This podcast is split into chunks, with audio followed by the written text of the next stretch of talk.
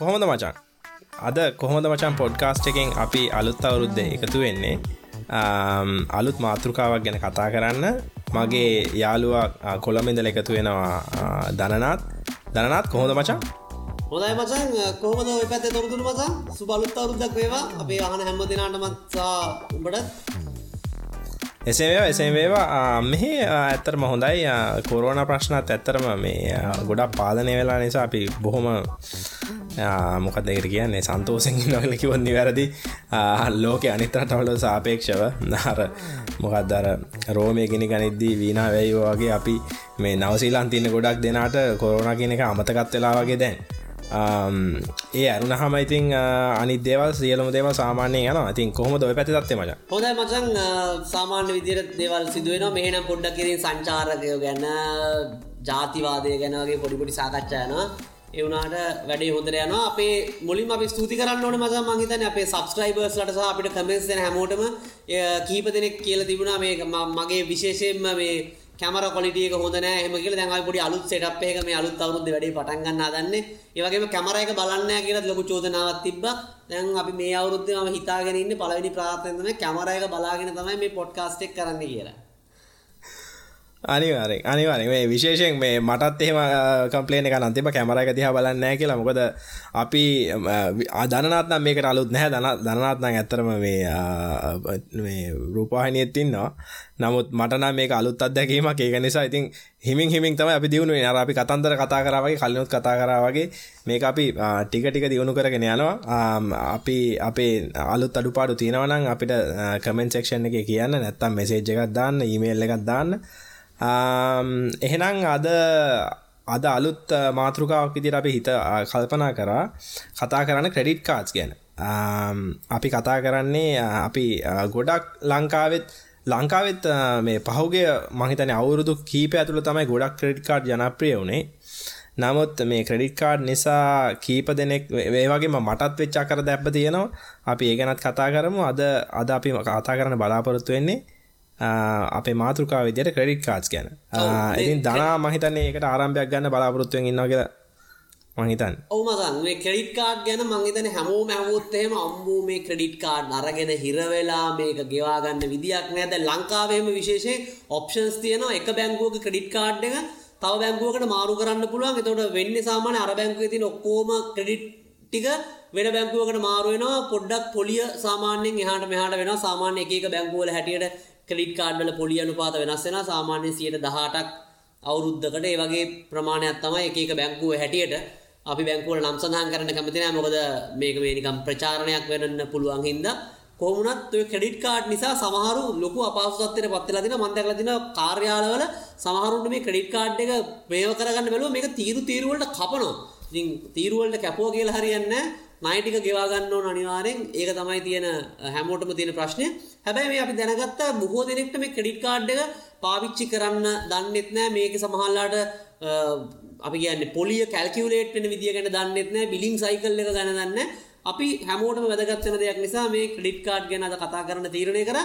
අපි තාක්ෂණික කරුණු වලට යන්න කලින් මම කැමති මම නම් ක්‍රෙඩිට් කාඩ් එකක් පාවිච්චි කරන්නේ මගේ නමට ක්‍රෙඩිට් කාඩ් එකක් නැහැ. මම මොන හරි ඔන්ලයින් පර්චේස් කරන්න ඕනොත් අපේ අම්මාගේ ක්‍රෙඩිට් කාඩ් එකක් තියෙනවා. මම සාමාන්‍යයෙන් ඒක තමයි ඉල්ලගෙන ෂේප් එකේ අපේ භාෂාවෙන් කියනනම් ගන්න දෙයක් ගන්නේ. මං ක්‍රෙඩිට් කාඩ් එක පාවිච්චි කරන්නේ නැති හේතුවත් මං කියන්නම්. කොහොම වුණත් මචං ඔයාට හොඳ පරිප්පුවක් කෑවා කියලා ආරංචි ක්‍රෙඩිට් කාඩ් පාවිච්චි කරලා අපි වැඩේ පටන් ගමු එතනින්. ඔව පරිප්පුව හොඳටම කෑවමම ඉස්සල්ලම මංහිතන්නේ ඒක මොකද අත්දැකීමේ ගෙනගන්න ලැබුණ එකත් එකතකින් හොඳයි. මේ පහු පස්සු පහුවෙන් පහුවෙලා එක මේ දරුණු විනාසයක් වෙන්නේ නැතුව. නමුත් ඒ මේ මං කතා කරන්නේ මම ලංකාවන්න කාලේ මීට අවුරුදු දහයකටත් මහිතන්නේ පහලෝකටත් උඩින්ද කියලත් හිතෙනවා. ඒගැන මම කැම්පස යන්න ඔන්න මෙන්න ඇති එද්දී මම වැඩ කර HSBC බැංකුවේ. මොකක්දේට කියන්නේ? අර කස්ටම සවිස් එක්සකටව් කෙනෙක් විදිට රාජගිරිය තිවුණ බිල්ලින්න එක. මේ ඒකේදී අපිට ක්‍රඩිට් කාඩ්ස් දුන්නා. ගැන ස්ටාෆ් එක විදිට අපිට නිකං ක්‍රඩිට් කාඩ්ස් දුන්නා. ඉතින් ඒක නිසා එක පාවිච්චි කර. එක ගත්තතින් නිකං හම්බුණ නිසා එක ගත්තා. ඒ කාලේ අපි කැන මේ කාඩ්ස් ගැන මූල්‍ය කළමනා කරණය ගැන ඉතාම දැනුම ඉතාම දුර්වලයි.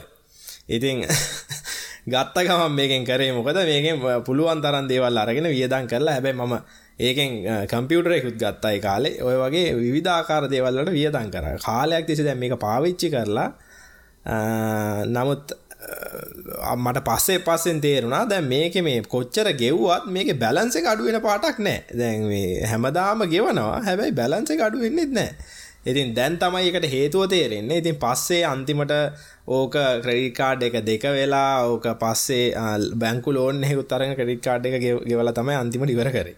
ඉතින් ඕක තමයි ඉතින් මගේ පෞද්ගලික අත්දැකීම. ඉතින් මම හිතන්නේ ඒකට එක හේතුවක් තමයි මේ අපේ සමාජයම මේ කැන මේ හැමෝගෙම මේක මේ නවසීලන්තද ලංකාද කියලා වෙනසක් නෑ. හැබැයි එකන හැමෝම මිනිස්සු කරන වැරද්දත් තමයි ක්‍රඩිට් කාඩ් නිවැරදිව පාවිච්චි නොකෙන ක්‍රඩිට් කාඩ් විතරක් නෙමෙයි ලෝන් ඕ එකැන හැම ෆයිනන්ශල් ඉන්ස්ට්‍රමටයක් මදැන් ඕ ඇත්තරම තියෙන්නේ මිනිස්සුන්ගේ ජීවිත පාසු කරනක හරිට පාවිච්චි කරොත් අර ගින්දර වගේ ගින්දර පාවිච්චි කරන්න පුළුවන් සාමාන්‍ය බතක් වයා ගන්න එලෝලුවක් වයා ගන්න අපිට ඉතා ප්‍රයෝජනවත් දෙයක්. නමුත් ඕකෙන් ගයක් ගිනි තියන්නත් පුළුවන්. ඕකෙන් ගමක් ගිනි තියන්නත් පුළුවන්. ඉතින් මට කියන්න තියෙන්නේ ඉතින් අපි මම අත්දැකීම මේක ඉගෙන ගත්තා. මේක පාවිච්චි නොකළ යුත්තේ කොහොමද? ඒ කියන්නේ මිනිමම් බැලන්ස් එක ගෙව ගෙව ඉන්නවා නම් ක්‍රෙඩිට් කාඩ් එක පාවිච්චි කරන එක නවත්තිය යුතුයි කියලා මගේ පෞද්ගලික මතය. මම තම දැන් දැන් දැනටත් මම ක්‍රෙඩිට් කාඩ් පාවිච්චි කරනවා. නමුත් මම බැලන්ස් එක එන්ඩ් of the month ඒ කියන්නේ මාසය අවසානයේ සම්පූර්ණයෙන්ම ගෙවල ඉවර කරනවා. ඒ කියන්නේ මම අවුරුදු ගණනාවකින් මම දැන් අවුරුදු 8ක් වෙනවා නවසීලන්තයට ඇවිල්ලා 8කටත් වැඩි දැන්. ඒ කාලය ඇතුළතම මම ක්‍රෙඩිට් කාඩ් වලට පොලිය ගෙවලා නැහැ. හැබැයි ක්‍රෙඩිට් කාඩ් පාවිච්චි කරලා තියෙනවා. හැබැයි කවදාවත් පොලියක් ගෙවන්නේ නැහැ. පොලිය නොගෙවන විදියට ක්‍රඩිට් කාඩ් එක පාවිච්චි කරන්න ඉතින් ක්‍රඩිට් කාඩ්වලින් තව තියෙන පොඩි පොඩි ඔන්ලයින් ට්‍රන්සක්ෂන් කරන වගේ පොඩි පොඩි තව හොඳ දේවල් ටිකුත් තියෙන මං ඒටිකත් පස්සේ කතා කරන්න මම හිතන්නේ දනා දනාගේ කතන්දර කිව්වන අපිට ඉස්සරට යන්න. දැන් මං මං ඇත්තටම මුලින්ම කියන්න කැමති දැන් බොහෝ දෙනෙක් දන්නේ මේ ක්‍රෙඩිට් කාඩ් එකේ කොහොමද මේ පේමන්ට් එක හැදෙන්නේ කියලා. මේකත් මත් මේ බැංකුව කීපදිනට කතා කල්ලා තමයි මේ විස්තරට ගහගත් එකන්න මොනහර නිවැරදි කිරීමත් තියෙන අපේ කොමෙන්් සෙක්ෂන් එක කොමෙන්ට් කරන්න පුළුවන්. අපි ඕන නිවැරදි කිරීමකට යටත් මේකට සාකච්ඡා කරන්න කැමති දැන් බොහෝ දෙනෙක් දන්න ඇති දේ තමයි ගොඩක් කළ බැංකුවෙන් අපි ගොඩක් දෙනෙක් හිතන් ඉන්න.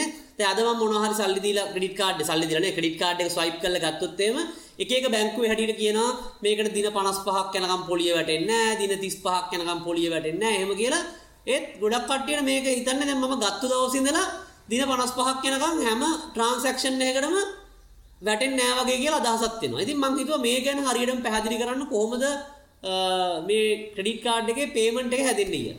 මම ඔන්න දැන් උදාහරණයක් කියන්නම්. හා හා පුරා කියලා ඔයා හිතන්න ජනවාරි පළවෙනිදා ඔයා ක්‍රෙඩිට් කාඩ් එකක් අරගෙන පළවෙනි වතාවට ස්වයිප් කරනවා රුපියල් 10000කට. අපි නිකන් හිතමුකෝ එහෙම. එතකොට දැන් ඔයාට ප්‍රශ්නයක් එනවා හරි දැන් පොලිය වැටෙන්නේ නැතුව කොච්චර කාලයක් ඔය සල්ලි ටික ඔයාලට ගෙවන්න පුළුවන්ද කියලා. දැන් ඒක තීරණය වෙන්නේ මූලික වශයෙන් ඔයා මොන බැංකුවත් එක්කද ගනුදෙනු කරන්න කියලා. ගොඩක් අපි විශේෂයෙන් සමහර බැංකුවල ගොඩක් වෙලාවට තියෙන දින 55ක් කියලා තමයි තියෙන්නේ. ඒතර ඔයා ජනවාරි පළවෙනිදා රුපියල් 10000ක ස්වයිප් එකක් කරා නම් ඔයාට ඕක ගෙවන්න පුළුවන් පෙබරවාරි 25ට කලින් ඔයාට ඕක සෙටල් කරන්න පුළුවන්. එහෙම සෙටල් කරොත් එහෙම දින 55 නම් කාලේ ඔයාගේ ක්‍රඩිට් කාඩ් එක ගෙවන්න නැති ඒකන පොලිය වැටෙන් නැති වාට රුපියලක්වත් ඕකට අයවෙන්න මං හිතනය පැහැදිලි.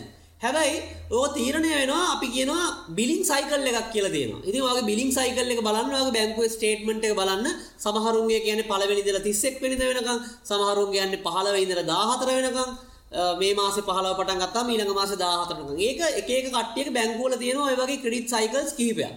ඒක තීරණය වෙන්නේ ගොඩක් වෙලාවට ක්‍රෙඩිට් කාඩ් එක ඇප්ලයි කරද්දී වාගේ පඩිය ලැබෙන කාල වකවානුව අනුව සමහරුන්ගේ පඩිය හම්බෙන්නේ 26 වෙනිදා සමහරුන්ගේ 15 වෙනිදා ඒ අනුව තමයි යෝග තීරණය වෙන්නේ. ඉතින් ඔයා මුලින්ම බලන්න ඔයාට ගැලපෙන ක්‍රෙඩිට් සයිකල් එක මොකක්ද කියලා අවශ්‍ය නම් බැංකුවත් එක්ක කතා කරලා වෙනස් කරගන්න පුළුවන්ද කියලා බලන්න.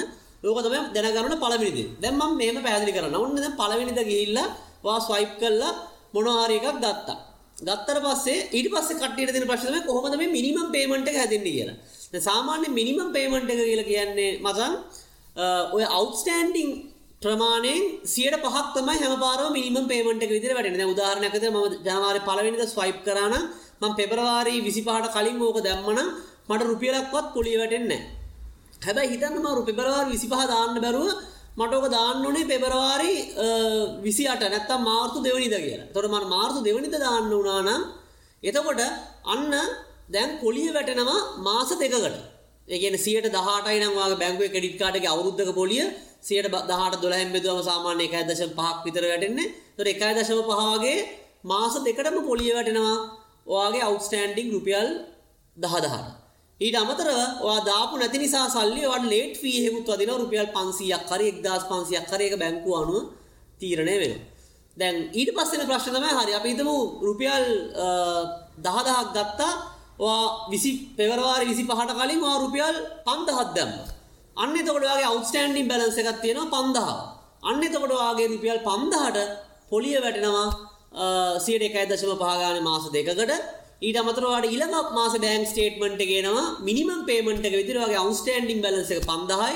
ඒකට පොලිය එකතුවේ පන්දා වරක් සියට එකයි දශම පහවගේ මාස දෙකක්.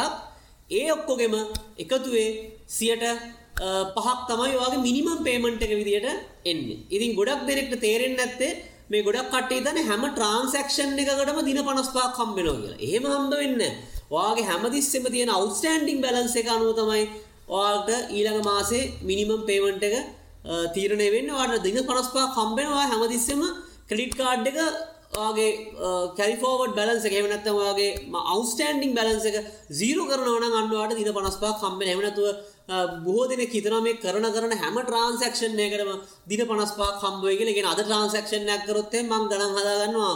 මන්තා දවස් පනස්පාකට කලින් මේකට මේ ගාන දැම්මුත් හරි කියල. එහෙම වෙන්න මොකද එතකොට වෙන්නේ හැමතිස්සෙම මන්තලි අර මිනිමම් මෙමවුන්් එකයි වගේ තියන බැලන් සෞස්ටන්ඩි බැලන්ස එකට තම හැමතිස්සෙම සයිකල්ල ගත් එක්ක පොලිය වැටෙන්න්න මහිතන ගොඩක් දෙනෙක් වරද්ද ගන්නේ මෙන්න මෙතනදී. මංකරපුදේ පැහැදිලිද මචන් මේ තේරුණා ඒක පැහැදිලි. ඕ එක තමයි. ඒකැනේ මේ අනිත් අනිත් කතන්දරේ තමයි අපි හිතන්න ඕන මේ සාමාන්‍යයෙන් ඕනම මේ කැනෙ පිළිගත්ත මොකද ෆයිනන්ශල් ඉන්සිටියුට් එකකින්. ගැන පිළිගත්ත මූල්‍යම ආයතනයකින් සාමාන්‍යයෙන් අය කරන වැඩිම පොලිය තමයි ක්‍රඩික් කාඩ්සල්ට සාමාන්‍යයෙන් අයිතිවෙන්නේ ඒගැනේ ගෙයක් හදනවද? පර්සනල් ලෝනයක් ගන්නවද? අනිත් ඔය හැම දේකට වඩා ඉතාම වැඩි මිලක් සාමාන්‍යයෙන් බැංකු විශාල මුදලක් මේ උපය ගන්නවා. එකන් ලොකු ලාබයකුත් ලබනවා මේ ක්‍රඩිට් කාඩ් ඇත්තරම මේ මිනිස්සුන්ට දීලා මොකද මේක හැමෝම මේ බැලන්ස එක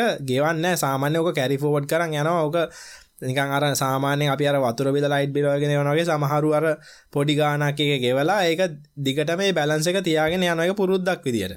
ඒක එච්චර හිතන්නේ නමුත් ඇත්තටම මේකේ මේ මේ ඇති වෙන Tamanට නැති වෙන සල්ලි ගාන ඉතා විශාලයි. ඒ කියන්නේ පොඩි ඔන්න ඔන්ලයින් ගිහලා පොඩි කැල්කියුලේෂන් එකක් කරලා බලන්න පුළුවන්. සාමාන්‍යයෙන් රුපියල් 10000ක් 30000ක් අපි හිතමු ජනවාරි පළවෙනිදා ඔයා 30000ක් පර්චස් එකක් කරා ඔයා බැරි වෙලාවත් මිනිමම් පේමට එක විතරක් ගෙවගෙව හිටියෝ කියක් විතර ගෙවනවාද කියලා. මේ මේ අම්බ සියට දහටේ පොලියට මේ අවුරුද්ධට ඉති මේක ගත්තහම ඉතා විශාල මුදලක් මේ විශාල මුදලක් තමන්ට නැතිවෙනවා කියලා ඔගුලන්ට බලන්න පුළුවන්. ම අවස්ථාවක් ලැබුණත් ම ඔන්ලයින් කැකලට එක පෙන්න්න ඒක කොච්චර මුදලක් අපිට මේ ඇත්තරම නාස්ති වෙනවාද කියලා. ඉතිං ඊළඟට දැන් අපි ඊළඟට මහිතන්න ඕන දැන් ක්‍රඩිට් කාඩ් මේ කියන තරන් අපුරුද කෙරඩිකාඩ් එකක් ඇත්තනම මේ හොඳට පාවිච්චි කරන්නේ කොහොමද කියන එකත් අපි කතා කරන්න ඕන කියලා හිතෙන දන දනාග පැත්තෙන් දනට හිතෙන්නේ කොහොමද? මේ කැන ක්‍රඩිට් කාඩ්ඩල තියෙන මේ පොසිටව් පැත්ත ගැන්නේ ඇත්තරම මේ එකැන ඇයි ඇයි අපි ක්‍රඩිකාඩ් පාවිච්චි කරන්න කියලා. දනාගේ අදහස කියන්න ඉට පසම පොඩි දෙයක් රැඩ් කරන්න. අනිවාරෙන් මසන් මොකද දැන් ඒගේ වාසිත් කිහිපයක් තියෙනවා දැන් මොකද උදාහරණයක් විදිහට අපි හිතමු වගේ ක්‍රෙඩිට් කාඩ් එකේ හැමෝටම තියෙන ක්‍රෙඩිට් ලිමිට් එක සැලරේ කරනු ලක්ෂ 5ක් වෙන්න පුළුවන් ලක්ෂයක් වෙන්න පුළුවන් ඉතින් ඔයාට ඇත්තටම දින 55කට කිසිම පොලියක් නැතුව බාණ්ඩ හා සේවා මිලදී ගන්න පුළුවන් chance එකක් දීලා තියෙනවා ක්‍රෙඩිට් කාඩ් එකේ. ඒක ඇත්තටම විශාල වාසියක් මොකද අපි හිතමු ඒ ආදායම අනුව ලිමිට් එක වෙනස්. ඉතින් කාගෙන්වත් මේ ඇපකාරයෝ ඒව මොකක්වත් නැතු කෙලින්ම කාඩ් එක තියෙනවන ස්වයිප් කරන්න පුළුව ලක්ෂයක් වෙනකම් දින පනස් පහක් යනකම් කිසිම පොලියක් අය කරන්න දින පනස් පහකෝම කලින් කිවෝ වගේ ඔබ පාවිච්චි කරන බැංකුව ඔබේ ඔබ ගණදු කරන බැංකුවට කොන්දේසිවලට යටත්ව. එතකොට ඒක ඉතින් විශාල වාසයක් හදිසි සල්ලි අවශ්‍යතාවයකද ස්පිරිතාලකට යන්න උනුත්තේම මොනහරි දෙයක් වුණුත්තේම දින පනස්පාක් කියලගෙන ලොකු කාලයක්. ඉති වාට සල්ලිටික රෝල් කරගන්න ඒක ඉතාමත්ම වටිනවා. ඒ එක පැත්තා ඒක විශේෂයෙන්ම වටිනවා කිසිම ප්‍රශ්නයක් නැතුව නිකන් බැංකවා අපි දන්න සාමාන්‍ය ලක්ෂක කාමාරක ලෝන් එකක් ගන්න ගියත් කොච්චර තෙල් පුච්චන්න ඕනද කියලා බැංකුවේ ඩොකියුමන්ට් අස්සම් කරන්නයි අපකාරු අරන් ඉන්නයි. මේක එහෙම මුකුත් නෑ කෙලින්ම කාඩ් එක පර්ස් එකේ කාඩ් එක ගත්තා. දෙන්න විතරයි තියෙන්නේ. ඒක පැත්ත අනිත් පැත්තෙන් මසන් විශේෂයෙන්ම ඕවා මේ ක්‍රෙඩිට් කාඩ් වල පොයින්ට් ස්කීම්ස් තියෙනවා දැන් අත්‍තරම හරියටම ඔක ගෙවනවා නම් ඔය හැම ස්වයිප් එකකටම පොයින්ට්ස් ඇඩ් වෙනවා. ඉතින් සමහර මගේ යාළුවෝට මම කතා කරාට පස්සේ ඉතින් අවුරුද්දකට රුපියල් මම හිතන්නේ 7000ක 8000ක 15000ක කාඩ් එක පාවිච්චි කරන විදිය අනුව පොයින්ස් ටිකක් එකතු කරගන්න එතකොට ඔක රිඩීම් කරගන්න පුළුවන්. ඉතින් හැම අවුරුද්දක් අන්තිමටම නිකන් බෝනස් එකක් හම්බුනා වගේ තමයි රුපියල් 10000ක 15000ක ඒකත් වටිනවා. ඒක දෙවනි පැත්ත. තුන්වෙනි එක තමයි ගොඩක් මං හිතන්නේ හැමෝම ක්‍රෙඩිට් කාඩ්ස් ගන්න. ඔය ක්‍රෙඩිට් කාඩ්ස් වලට ඔෆර්ස් තියෙනවා. අර හෝටලේ ඉන්නව නම් 150ක් අර ෂොප් එකෙන් ගන්නව නම් 125ක් කොහොම කියලා ඔෆර්ස් තියෙනවා. ඉතින් ඇත්තටම Tamanට අවශ්‍ය බාණ්ඩ හා සේවා ගනිද්දී ඩිස්කවුන්ට්ස් පාවිච්චි කරන්න පුළුවන්. ඒකත් ඉතාමත්ම වැදගත්. ආර්ථිකය පැත්තෙන් ගත්තත් මචං මේ විශේෂයෙන්ම කාඩ් ස්වයිප් කරන එක මොකද ලෝකේ දැන් හැමෝම යන්නේ මේ කාඩ් කරන්සි වලට නෙවෙයි කාඩ් එක තමයි හැමෝම ස්වයිප් කරන. ඒක ක්‍රෙඩිට් කාඩ් එකක් වෙන්න පුළුවන්, ඩෙබිට් කාඩ් එකක් වෙන්න පුළුවන්. ඉතින් ඒ වගේම අපි බිස්නස් එකක් රන් කරනවා නම් අපිටත් කවුරු හරි ක්‍රෙඩිට් කාඩ් ස්වයිප් කරන අපි කියන්නේ ඒ පේමන්ට් ප්ලැට්ෆෝම් එක අපිට තියෙන්න ඕනේ. ඉතින් ඒ අනුව ගත්තට පස්සේ මේ ආර්ථිකයට මේක විශාල වශයෙන් බලපෑමක් එල්ල කරනවා. බැංකු ශේෂ්ත්‍රයටත් විශාල බලපෑමක් එල්ල කරනවා. ඒක නරක දෙයක් නෙවෙයි. අනිවාර්යෙන් ක්‍රෙඩිට් කාඩ් ෆැසිලිටි එක තියෙන්න ඕනේ. නමුත් ඒක තමන්ගේ මූල්‍ය විනය දැනගැනීම පිණිස පාවිච්චි කරන්න කියලා තමයි මම දකින හොඳ පැති මූලික වශයෙන් තුන. හරිරස මචා. එකන මමත් ඕකේ පොඩි කීප දේවල් කීපයක් ඇඩ්කරෝතින් නිතරම ක්‍රෙඩික් කාඩ් එකක් පාවිච්චි කරද්දි හිතන්න ඕන තමන්ගේ මාසික ආදායම නෙමේ මාසික ආදායම තිබ්බට අපිට හැමෝටම තියෙනවා යම් කිසි අවට් ගෝයින්ස් ගාන ඒකන අපි රෙන්ට එකක් ඉන්නවන රෙන්ට එකට ගෙවන්න ඕන අපි බිල්ස් ගෙවන්න ඕන අපි වාහනයක යනවනගේ වාහන නරත්තුවට පෙට්ටල් ගහන්. ඕටික ඉවරුණහම අපිට ඉතුරුවෙනන්න ප්‍රමාණයක්.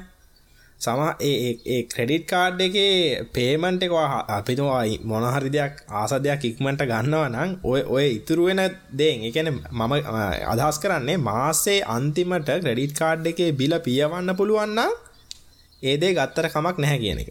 ඒකන්නේ ගැන ණය ඉස්සරහට ගෙනියන්නේ නැතුව. සාමාන්‍ය ගැන හොඳ පුරුද්දක් විදිය දැන් මම මගේ මගේ පාඩමෙන් මම මම මම තරුණ කාලේ කරපු පාඩමෙන් මම ඉගෙන ගත්ත දේ තමයි මම කරන්නේ මුළු මාසෙම මගේ ග්‍රොසරීස් මගේ බිල් ගෙවනේවා ඔක්කොම කරන්නේ මගේ ක්‍රඩිට් කාඩ් එක මාසය අන්තිමට මං ඔක්කොම එක පියවනවා. මේ අඩු නැතිවෙන්න මොකද එතකොට මට පොලියක් ගෙවන්න වෙන්න ඒ ඒක එක කතාවගේ ගැන තමන් පාවිච්චි කරන්න පැටන්න එක.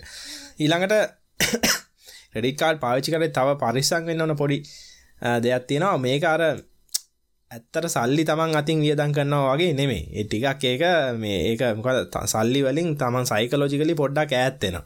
මොකද සල්ලි ගෙවනවා තමයි. පර්ස් එකෙන් රුපියල් 1000ක් අරන් දෙනවා වගේ අමාරු නෑ ක්‍රෙඩිට් කාඩ් එක ස්වයිප් කරලා රුපියල් 1000ක් වියදම් කරන එක. මේක ගැන පොඩ්ඩක් පරිස්සම් වෙන්නත් ඕන කියලා මම හිතනවා. මේ මේක ගැන තමන් අවධානය යොමු වෙනවා නම් මම හිතන්නේ ප්‍රශ්නයක් වෙන්නේ නෑ. අනිත් හොඳ පැත්තක් තව එකක් මට හිතනවා. දැන් මයික්‍රෝ ෆයිනෑන්ස් මම හිතන්නේ ප්‍රශ්නයක් තියෙනවා ලංකාවේ. දැන් ලොකු එක එක කම්පනි ගිහිල්ලා මේ ගෙවල්වල ඉන්න අයට මයික් පොඩි පොඩි ලෝන්ස් දීලා පොඩි පොඩි ගණන්වලට ඒ මිනිස්සු විශාල කරදරයකට පත්වෙලා තියෙනවා. මම හිතන්නේ මේ වගේ දේවල් නවත්තන්නත් පුළුවන්. මේ ක්‍රෙඩිට් කාඩ්ස් ඒ කියන්නේ පාවිච්චි කරන සහ පාවිච්චි කරන විදිය මේ මේ මිනිසුන්ට පෙන්වනවා අනිත් එක තව දෙයක් තමයි මම දකින විදියට මේ ලංකාවේ ගවන් ලංකාවේ එකනොමික තියෙන තා ප්‍රශ්නයක් තමයි ටික මේ මේ මොකද ඒ කියන්නේ? අර පේන්නේ නැති ඉකොනොමික ඒ කියන්නේ මුදල් භාවිතය නිසා විතරක් ටැක්සේෂන් නැතුව පේන්නේ නැතුව දුවන ඉකනොමිකක් තියෙන විශාල. ඒ ඒක ටැක්සේ ටැක්ස් ටැක්සබල් කැටගරිකට ගේන පුළුවන් ක්‍රමයක් තමයි ඔය ක්‍රඩික් කාඩ් පාවිචය වැඩිකරන්න එක. හැබැයිතින් පෞගේ කාලේ සමහර සමහර තීරණ ගවන්මට එකින් දැක් හම ටිකක් පුදුම හිතෙනවා. මේ ක්‍රඩ් කාඩ් ගන්න ඩිස්කරේජ් ගන්න තමයි සමහර ලාට කරන්න. ගැන පොඩි අර මුද්දර ගාස්තු කියල ගහනවා. ක්‍රඩිට් කාඩ් එකේ විධ ගාස්තු හලා පොඩ්ඩක් එක මේ පාවිච්චි කරන ඩිස්කරේජ් කරන කටයකුත් තිබ්බදෝ කියලත් මට හිතුන පවගේ මේ මීට අවුරුදු කීපයකට කලින්. ඉතිං මේක මේ අනිත් එක තමයි කාඩ් එක තෝර ගනිති පුළුවන් තරම් අඩු මන්ත්ලි හරි නැත්තං ඉයලි ෆියකත් තියෙන කාඩ්ඩය තෝරගන්න එකත් හොඳයි කියල මට හිතෙනවා. මොක සාමාන්‍යෙන් ඔය ගොඩාක් තමන්ට තමන්ගේ ආදායම සහ කැන තමන් ගම වියදං කන ප්‍රමාණය ගොඩාක් විශාල නැත්තං සාමාන්‍ය ඔය පොයින්ස් කීම් වලින් ගන්න පුළුවන් ප්‍රයෝජනය එච්චර ලොකු නැහැ. දැ මිහෙත්තයගේ පොයින්ස් කීම් තියෙන දැ ම හිතලම පොයින්ස් කීම් නැති Um, ඇනුවල් ිය එකක් නැති කාඩ්ඩ ගත්තම මම පාවිච්චි කරන්න. එතකොට මට අර ක්‍රඩිට් ෆැසිලිට එක හම්බ වෙනවා. ඒ වගේම um, මට අනවශ්‍ය විදිට සල්ලිය දමක දැන් ම ගණන් හදල බැලු හම පොයින්ස් කීම එකෙන් දැ මෙහෙනන් දෙන ඩොල සීයක් වියදන් කරහම එක පොයින්ට එකක් වගේ. ලංකාවෙත් මහිතන්න එහෙම uh, පරාසයක් වෙන්න ඕන. ඉතින් එතකොට මහ විශාල මුදලක් වියදන් කරත් හම්බෙන්න ඉතාම සුළු ගානක් ඔයා ඒක ඊට වඩා ගෙවනවන ඇනුවල් ෆිය එකට. එතකොට ඒකින් ඇති වැඩක් නැහැ. ඉතින් මන්දන්න ඇනුවල් ෆී නැති කාඩ් ලංකාව ඇතන්තර තියෙනවද කියලා මට ඒ ගැන හොයන්න නම් බැරිුණ නමුත් පුළුවන් තරම් ෆිය එක අඩු කාඩ්ඩයක් හොයා ගත්තන මංහිතන මිනිස්සු එකට යොමුණනානම් සමහරලාට මේ ඉබේම බැංකුවලින් ඕක මේ ට්‍රෙන්ඩ එකක් විදිර දැ ම ඉන්න කාලෙ මට මතකයි නවසීලන්තේ මේ සීරෝ කාඩ් තිබෙන ගැන සීරු ඇනුවෆී නමුත් දැන් තියෙනවා. ඉතින් ඒක මිනිසුන් ගිල්ලුමත් එක ඉබේම මාකට්ක රෙනවා කියලතයි මට හිතෙන්නේ. අපි ඊළඟ ටොපික් එකට ගියෝතින් මංහිතට මං කැමති තව පොඩ පැහති කරනම දැන් කාට හරි තෙන්න්න පුළුවන් ඇත්තරම මේ ක්‍රිට් කාඩ්ඩ පාවිච්චි කරද්දි මේ කොහොමද ක්‍රඩිට කාඩ් එක පොලියට අමතරම සල්ලිවන්නේ මංගව ඒකත් පොඩ ඉක්මට පැහදිලි කර මුලේද මදන් අපි මේ නැත්තම් බලයි ක්‍රඩිට කාඩ් පාවිච්චි කරලා බිස්සස එකක් තියෙනවනම් වෙන කාඩට ක්‍රඩිට කාඩ්ඩ ස්වයිප් කරන්න අපේ මැසින් එකත් තියෙන එකේ වාසිය මොකක්ද කියලත් මහිතන අපි ව්‍යාපාර ගැන කතා කරන්න ඉන්න හොඳයිනේ මචක පැදිලි කරනේ දම ඕක පැල් කරම. ඒක හොඳයි. ඔ විශේෂම දැම ක්‍රඩිට කාඩ ඔකට දැකල ඔක ක්‍රඩිට කාඩ් බලොත්තම ඔක ගහලතින එක වීස හරි මාස්ට කාඩ් හරි එම තියෙනත ඒගොල්ල තමයි ක්‍රඩිට කාඩ් එකනෙේ ක්‍රඩිට කාඩනකරන් ඩෙමිට කාඩල් වල එක. පලටෆෝර්ම් එක තකොට ඇත්තර මොයා පිතම ගිල්ලා මොනාර සුපිරි වෙන සලක රුපියල් දහදාක බඩුවලක ස්වයිප් කරොත්තේම ඇත්තරම සුපිරි වෙන සලට රුපියල් දහදහම යන්න නෑ ඕගේ මන්න මට මම දන්න ඇතරම කමිෂන්ස් කියද කියලා. ඒකෙන් සියට මහිතන එකයි දශම පහක්කාරි තුනක් කරී වගේ ගානක් යනවා කීප දෙනෙක් අතර බෙදිලා. ඒකෙන් එක කොටසක් යනවා මංහිතන්නේ ඔය වීසා මාස් කාඩරි පලටෆෝර්ම් එකට කමිෂණයක් යනවා. ඒ වගේම ඕකේ අර කාඩ් එක ස්වයිප් කරන තියෙන මසින් එක ඩීලට තව කමිෂන් එකක් යන ඒ වගේ කමිෂන් එක බැංකුවටයි ඔය සියට ගාන කිහිප දෙනට බෙදිල යන්න. එකයි සමහලටගල පුදුම වෙන ඔය පික්ම යන කට්ටියහම නිතරම කියනවා මේ අක්ස කාඩ් ක්‍රඩිද්ද කියලම යහන් ඒකන ඇවිලේ කාඩ් ක්‍රඩිද්ද කියන එකට වඩා ඒගොළොගේ සල්ලි හම්බ වෙන්න තියෙන පමාවක්. ඒත් සමහර කඩවල්වලට ගියාම කියනවා ස කාඩ්ඩකින් ගැහුවොත් නම් මේකට තව සියට මෙච්චර ගානක් එකතු වෙනවා කියලා කියන මොකද ඒම කියන්නේ කෑශ් ගනිද්දී මොක ඒගොල්ලොන්ගේ විශේෂම කඩේ විකරුණ කෙනගේ මාජින්න එක ගොඩක් අඩුවින ඒගොල ක්‍රඩ් කාඩ්ගෙන් ස්වයිප් කරට පස ඒක සිට තුනයි දශම පක්කරි දෙකක් හරි මර්චන්ට ගයාම ඒගොලගේ මාජින්න අඩුව න එක නිසාතම එකකට සමාලට නිසා කාඩ්ඩකින් ගන්නවනම් ගාන මේකයි. කෑශ් කියන්න නම් ගාන ඉට අඩුවෙන්නේ ඔන්න ඔය මාජින් එකගේ ප්‍රශ්න නිසා කියල තමයි මං හොයාගත්තේ. මසන් කෝම ගැන තව තියෙනදවා ඉතින් එච් කෙලින් එච්ස්බසිගේ වැඩකරපු මනුස්සය හින්ද මේකන තව දන්නවානම් මංහිතන්නේ අපි මොනාද මේකන තව කියන්න අපේ ඒක මං කියන්න පලෑන් කරප කරගෙන හිටුව ගන්නෙේ දැන් දැන් දැන් හිතනවා එක නොකිවන හොද මට ඒ කාඩ් එක හම්බුනේ කොහොමද කියලා කිය කිය කියපු නිසා එක කියවුණ කාඩ් එක ඇත්තරම ඒ කාලේ එහෙම මේ මට මට එකන මමනං මම දකින්නේ ක්‍රඩිට් කාඩ් කියන එක ඊවිල් එකක් නෙමෙයි. නමුත් ඒක මම ඉතාම දරුණු විදිේ මොකක්ද මේ මොකක්ද පාඩමක් ඉගෙන ගත්තා. මේ මහ කරදරකට පත් වනා මං කාඩ් කීපයක් කරගෙන මේකේ උපරිමයට මේ පාවිච්චි කරලා අන්තිමට ගෙවන්න ගහ මට ලෝන්න යුත් ගන්න ඕන නිසා. ඒ කියන්නේ ඉතින් ඒගැන මගේ තිබිච ෆයිනශල් ඉල්ලිට එක තම එක පෙන්න්නන්නේ ඉති ඒ වගේ ගොඩක් අය මට හම්බවෙලත් තියෙනවා. මේ කාඩ් එකින් අරගෙන ගෙවන්න නැතුව ලියවුන් ඇවිල්ලා මේගොල්ලෝ නඩු දානවා. එහෙමහෙම කාඩ් කම්පනි වලින් පස්සෙන්ගෙන තත්වයට ඇවිලා ඉතින් මම කියන්නේ ඒ මේක ගෙවන්න නැද්ද? සර් මේක කවද්ද? සර් ගෙවන්නේ? ඒක ඉතින් හරි මං හිතන්නේ බොහෝ දෙනෙක් ඔව් ඒක තමයි. එහෙම ප්‍රශ්නයක් තියෙනවා නම් මම කියන්නේ එක ඔප්ෂන් එකක් තමයි කාඩ් එක පාවිච්චි කරන එක නතර කරන්න. නතර කරලා මේක පේමන්ට් ප්ලෑන් එකකට යන්න ඕනේ. එහෙම නැත්තම් දැන් දැනට කාඩ් එක තියෙන එකේ 124ක් 20ක් වගේ නම් පොලිය පර්සනල් ලෝන් එකක් දාලා කාඩ් එක බැලන්ස් එක ගෙවලා ක්ලෝස් කරලා අර මන්ත්ලි පේමන්ටයක් විදිහට පර්සනල් ලෝන් එක ගෙවාගෙන යන එක ඊට වඩා ලාභයි. ඇත්තටම ඉතින් අර පොලි මුදලාලි ඒ කියන්නේ ඔය ගමවල් වල පොලියට සල්ලි දෙන අයට පස්සේ තියෙන වැඩිම පොලිය තමයි කාඩ්. ඉතින් කාඩ් එකෙන් ඇත්තටම එක බැලන්ස් එකක් මේන්ටේන් කරනවා නම් මේ අහගෙන ඉන්න කවුරු හරි ඒක නතර කරන එක ඔයාගේ අනාගතයට හොඳයි. මොකද ඒ පොලිය විදියට යන්නේ ලීඩ් වෙලා යන්නේ Tamanට වෙන දෙයකට පාවිච්චි කරන්න පුළුවන් කැපිටල් එක. ඉතින් සමහරලාට ඔය කාඩ් එකෙන් අපි ඇත්තටම ගන්නෙත් කැන ඉම්පල්ස් බයි එකන එක එවෙලට හිතන දේ ආමට ඇඳුමක් ගන්න හිතල හිතන සල්ලි නැති දේනේ ගන්නේ. සමහරලාට මේ එකන හැමතිස්සම එක හිතන්න ඕන. මේ ම ගන්න පොඩි ලෝන් එක බැංකුවෙන් බැංකුවෙන් එච්චර ලොකු ඉන්ට්‍රසේජ රජකනත් හේතු ඒකයි. මොකද පොඩි ලෝන් එක බැංකුවෙන් දෙන්නේ. නමුත් ඒ බැංකුව කිසිම කොලටරල් එකක් තියාගෙන නෑ ඒ ලෝන් එකට. ඒ ලෝන් එක වෙනුවෙන් ඔයාගේ මුකුත් ඉගැන ඒ වෙනුවට දැන් ගයක්කට හවසින් ලෝන්නයක් ගත්තන ගේ තියාගන්නවානේ කොලටරල් එකට. ඒ ගැන එක ග හවසින් ලෝන එක ගන්න බැරනොති එක බැංකුව ඇවිල්ලා ගේ ගන්නවා. දැන් ක්‍රඩිට කාඩයක් ගත්තාම එහෙම බැංකුවට ගන්න දෙයක් නෑ. ඒ රිස්කි ලෙන්ඩිං නිසා තමයි ඒගොල්ල එච්චර ලොකු හයිෆිය එක චාර්ජ් කරන්නේ. දනා හැබැයි තව දෙයක් මට හිතන්නේ මේ අපිට අමතකුණ කතා කරන්න දනා කිව්වා මේ දැන් හවසින් ලෝන් එකක් ගන්න බලාපොරොත්තු වෙන අයට ක්‍රෙඩිට් කාඩ් එක බලපාන්න පුළුවන් කියලා. මොකද ක්‍රෙඩිට් කාඩ් එකේ බැලන්ස් එක තමන්ගේ මේ ඉන්කම් එකට බලපා. ඒ කියන්නේ සාමාන්‍ය ක්‍රෙඩිට් කාඩ් එක මේන්ටේන් කරනවා කියලා කියන්නේ ඇත්තටම බැංකුව දකිනවා බැංකුව අපිට සල්ලි දෙන්න යනකොට කියන්නේ බැංකුව තව ලෝන් එකක් ඇප්ලයි කරන්න යනකොට මේගොල්ලෝ මේක දකිනවා මේ මේ නෙගටිව් දෙයක් විදියට. හැබැයි මේ නවසීලන්තෙත් ඔය කතන්දරේ තියෙනවා නවසීලන්තේ ක්‍රෙඩිට් රේටින් සිස්ටම් එකක් තියෙනවා.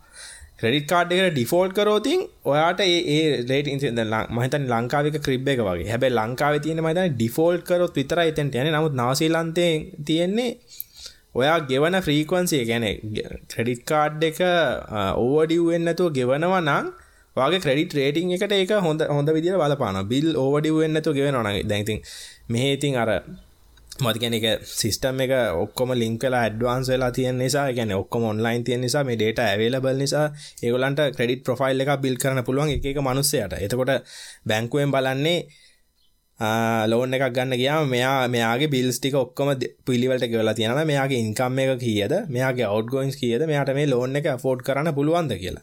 ඉතින් ලංකාවෙත් ওই සිස්ටම් එක ඉස්සරහට හැදෙයි. මොකද ක්‍රෙඩිට් කාඩ් ජනප්‍රියවීමත් එක්ක කියලා මට හිතෙනවා. මහිතන් දනාට පුළුවන් අරගෙන කතා කරන්න මොකද හවසින් ලෝනයක් ගන්න තියෙන බලාපොරොත්තෙන් ඉන්න අයට මේ විශේෂ වෝනිින් එකක් මං හිතන්න දෙන්න තියෙනවා ඕමසන් අපේ සාකච්ඡය අවසාන කොටසට අපි ඇවිල්ලා ඉන්නේ. ඒක ඉතාලම වැදගත් මසක්. ඇත්තටම ලංකාවේ එහෙම ක්‍රෙඩිට් සිස්ටම් එකක් පොඩ්ඩක් හැදීගෙන යන්නේ. දැන් මම ඇත්තට මමත් කිව්වා මමත් ඇයි ක්‍රෙඩිට් කාඩ් එක පාවිච්චි කරන්නේ නැත්තේ කියලා. ඒකට හේතුව තමයි දැන් ඔයගොල්ලෝ බැංකුවෙන් ලෝන් එකක් ගන්න ගියොත් එහෙම අනිවාර්යෙන් බලනවා කියනවා ඔගොල්ලොන්ගේ ආදායම කියන්න කියලා. සහ වියදමත් කියන්න ගෙන තුර ආදායම කිවට පස්සේ ආගෙන මට මේ ආදායම් තියන නිස වියදන් කියන මට රෙන්ට්කට මෙච්චරක් යන නැත්තන් ගෙදර වැඩවලට මෙච්චරක් කියන හොම කියලා කියෙන සාමාන්‍යෙන් බැංකුව මට මතක විදියට ගොඩක් කියලට තමන්ගේ ආදායමෙන් ඒගොල්ල විශ්වාස කරනවා තුනෙන් එකක්වත් තියෙන්න්න අවශ්‍යය කියලා තමන්ගේ එදිනෙදා වියදම්වලට එතකොට අවන්ගේ ලෝන් ඉන්ස්ටෝල්මන්ට් එක ෆෝඩ් කරන්න පුළුවන් සාමාන්‍යෙන් තමන්ගේ ආදායමෙන් තුනෙන් දෙක වගේ ප්‍රමාණයක් මගේ මතකය නිවැරදි විතරයි. ඒකට මේ නිතර ආදායමෙන් තුනෙන් දෙක වගේම තමන් ඒකට අපේට තියෙන ඇසට් එක මොකක්ද ඒ වගේ හේතු ගොඩක් බලපානා නමුත් සාමාන්‍යෙන් පර්සන ලෝනයක් ගන්න එක හවසි ලෝනයක් ගන්න ගියත් අපිට මාසික ගෙවන්න පුළුවන් වාරිකය දෙන්නේ අපේ ආදායමෙන් තුනෙන් දෙකක් වගේ ප්‍රමාණය දැහැබැවට ක්‍රේට් කාඩ් එකක් තියෙනවනම් බැංකු අනිවාරෙන්ම එක එක බැංකුවනු තීරණ වෙන බොහෝ වෙලාවට ඔයාගේ ආදායමෙන් සියට පහක් වෙන් කරනවා. ඒගෙන වගේ සියට තුනෙන් එකක් යනගෙන සියට තිස්තුනක් තියෙනවා. එදිනෙදා වියදම් වලට තව අනිවාර්ය සියට පහක් ඕකට ඇඩ් කරනවා. ඔයාගේ පේමන්ට් කැපැසිටි එක අඩු කරනවා 105කින්. මොකද ඔයාලට ක්‍රෙඩිට් කාඩ් එකක් තියෙන නිසා. එක එක බැංකුව එක එක විදිහට පාවිච්චි කරන සමහර බැංකු ඔයාගේ ක්‍රෙඩිට් කාඩ් එකේ ස්ටේට්මන්ට් එක බලලා ඒකේ බැලන්ස් එක කොච්චරක් තියෙනවද ඕවර්ඩියු එක කොච්චරක් තියෙනවද කියලා ඒකෙන් 105ක් සමහරව කැල්කියුලේට් කරනවා. නැත්නම් බොහෝ වෙලාවට ක්‍රෙඩිට් කාඩ් එකේ ලිමිට් එකෙන් නැත්නම් ඔයාගේ ආදායමෙන් 105ක් වෙන් කරනවා. ඔයාගේ ක්‍රෙඩිට් මේ ඔයාගේ පේමන්ට් කැපසිටියකට ඉතින් ඇත්තර මේකවට පර්සන ලෝනයක් ගන්නන හරි හවසිං ලෝනයක් ගන්නන හරි වාටක බලපාන මොකද වඩ නය ලබාගන්න පුළුවන් ප්‍රමාණය අඩුවෙනවා මොකදවාගේ පේමන් කැපසිටිය අඩුවෙන ඉද ඒක හේතුවක් ඇතර ම ක්‍රඩ් කාඩ පාවිච්චි කර නැතින මගේ හවසිං ලෝන් මොනත් නෑ හොඳ වෙලාවට. ඒත් මං ඕක තියාගරන්න මට ඕන වෙලාවකට පාවිච්චි කරන්න අවශ්‍යතාවයක් එන නිසා තමයි මංගෝක පාවිච්චි කරන්න නැතුව තියාගෙනන්නේ මොකද හෙවුණට පස්සේ ක්‍රඩිට් බර්තිනස්ස නැත්නම් ක්‍රඩිට් ගන්න පුළුවන් හැකියාව වැඩි වෙන නිසා ඒකත් මං හිතන්නේ හැමෝම දැනගන්න අවශ්‍යයි මේ ක්‍රඩිට් කාඩ් පාවිච්චි කරන්නේ වශනට කියන්න තියන්නේ? අවසාන වශය මට කියන්න තියෙන ක්‍රඩිට් ක්‍රඩිකාඩල තව මේ ඇඩවන්ටේජ තම ඉන්ටර්නශන ට්‍රන්සක්ෂන් කරන්න පුළුවන්ගේ නැත්තං ක්‍රඩිකාඩ් එකක් නැත්තං හිතාගන්න පුළුවන්. දැ US ඩොල අරගෙන ම බැංකෝට ගිහිල්ලා කොහොමද මේක ගෙවන්න? මේ ඒකෝමස් කියන මේ අති සුවිශාල මේ මේ කැනෙ වෙළඳ පොල ඇවිත් ඇතිවෙලා ඇතිවෙලා තියෙන්නේ කැන මේ අන්තර්ජාලය හඳහා බඩු ගන්න මේක ඇටිලා තියෙන ක්‍රඩිට් කාඩ් නිසා. ඇති ක්‍රඩිට් කාඩ් නිසා ඇත්තටම මේ බාණ්ඩ හා සේවාවල කැන මිලදී ගන්න පුළුවන් වේගේ වැඩි වෙලා තියෙනවා. විශාල විදියට මේ පහසුකං කැන පහුගේ අවුරුදු කීපය ඇතුළත මේ වැඩි වෙලා තියෙනවා. ඒ වගේම අනිත් අතට ගැන හොඳ වගේම නරක විදියට මිනිස්සු පොඩි ඩෙට්‍රැප් එහෙක වැටෙන වගේ මේකුත් තියෙන මොකද තමන්ට දරාගන්න බැරි දේවල් අරගෙන දම දරාගන්න බැරි දේවල් විදියට වියදං කරලා මේක හිර වෙලා ඉන්න ඇති නොති දෙපැත්තම තියෙනව කියලා මතක තියාගන්න. මං හිතන්නේ ඒක තමයි ඉතින් අපිට දෙන්න පුළුවන් එකම එකම අපේ අපේ අත්දැකීමත් එක්ක අපි කතා කර දෙන්න පුළුවන් එකම උපදෙස තමයි ඉතින් ක්‍රෙඩිට් කාඩ් එකේ බැලන්ස් එක කැරි ෆෝවර්ඩ් කරනවා නම් හිතලා බලන්න දැනටවත් කාඩ් එක කැන්සල් කරලා පර්සනල් ලෝන් එකක් හරි අරගෙන ඒක ගෙවලා දාලා ඒ සල්ලි ටික ඉතුරු කරගන්න. මංහිතන් ඒක තමයිති අපිට අද අද අද අපේ පිසෝඩ් එක. දනහන ඉවර කරනවාද? ඔව අපි ඉවර කරමු. අපි අලුත් අවුරුද සම්බන්ධන ඉතින් අපි ප්‍රාර්ථනා කරන ක්‍රඩිට් කාඩ්වල හිරවෙලින් හැමෝට මේ අවුරුද්ධ ක්‍රඩිට් කාඩ්වලින් ගැලවෙන්න ලැබේවා කියලා. ඒවගේ අලුත් අවුරුදුර සුබවතන අපි අලුත් පලට්ෝ අප අලුත් විදිර කල දන පේනවම පොඩි බැග්‍රවන්් එක වෙනස් කරලා. රිං ලයිට්ක්ේ මරගෙන පොඩ වැඩේ අප්ඩේට් කල ගන්න හදන්න ඉතින් ක්‍රඩිට් කාඩ් ගැන ඔගොල්ලෝ ඔගොලො දන්න ඇති විස්තර ඇති ඔගොලු අත්දැකීම ඇති ඒවා ෂයා කරන්න අපගේ කොමෙන්ස් බොක්ස එක ඒවගේම තාමත් පේජකට සබස්්‍රයිප් කල නැත්තන් සබස්්‍රයිප් කරන්න ඒවගේම තියෙන ඕන පොඩ්කාස් පලටෆෝර්ම් එකින් අප පොඩ්කාස්ට කාන්න පුළුවන් ඩේට ඉතුරු කර හන්න ඔන්න YouTube එක නැතුව පොඩ්කාස් පලටෆෝර්ම් එකින් අහන්නත් පුළුවන් ඒවගේම අමතක කරන්නතුව අපේ පේජක ලයි කරන්න කොමද මචන් පොඩ්කාස් කියල පේජක තියෙන එක ලයි කරන්න. අප YouTube චැනල එක සබස්ක්‍රයිබ් කරන්න. මේ වගේ වැදගත් සාකච්ඡාවකින් අපි නැවතත් ලංකාව ආර්ථිකය වගේම අපි ඉදිරිදා ජීවිතය පූල්ලි කටතුට කෝමද කරන්න ඕන කියන එක ගැන සාකච්ඡා කරන්න අපි බලාපොරොත්වෙනවා එමනේද මච? ඔව් අනිවාරෙන් එනම් මචන් අපි අදර ගිහිල්ලෙන්න ගීලෙන්නම් මසක්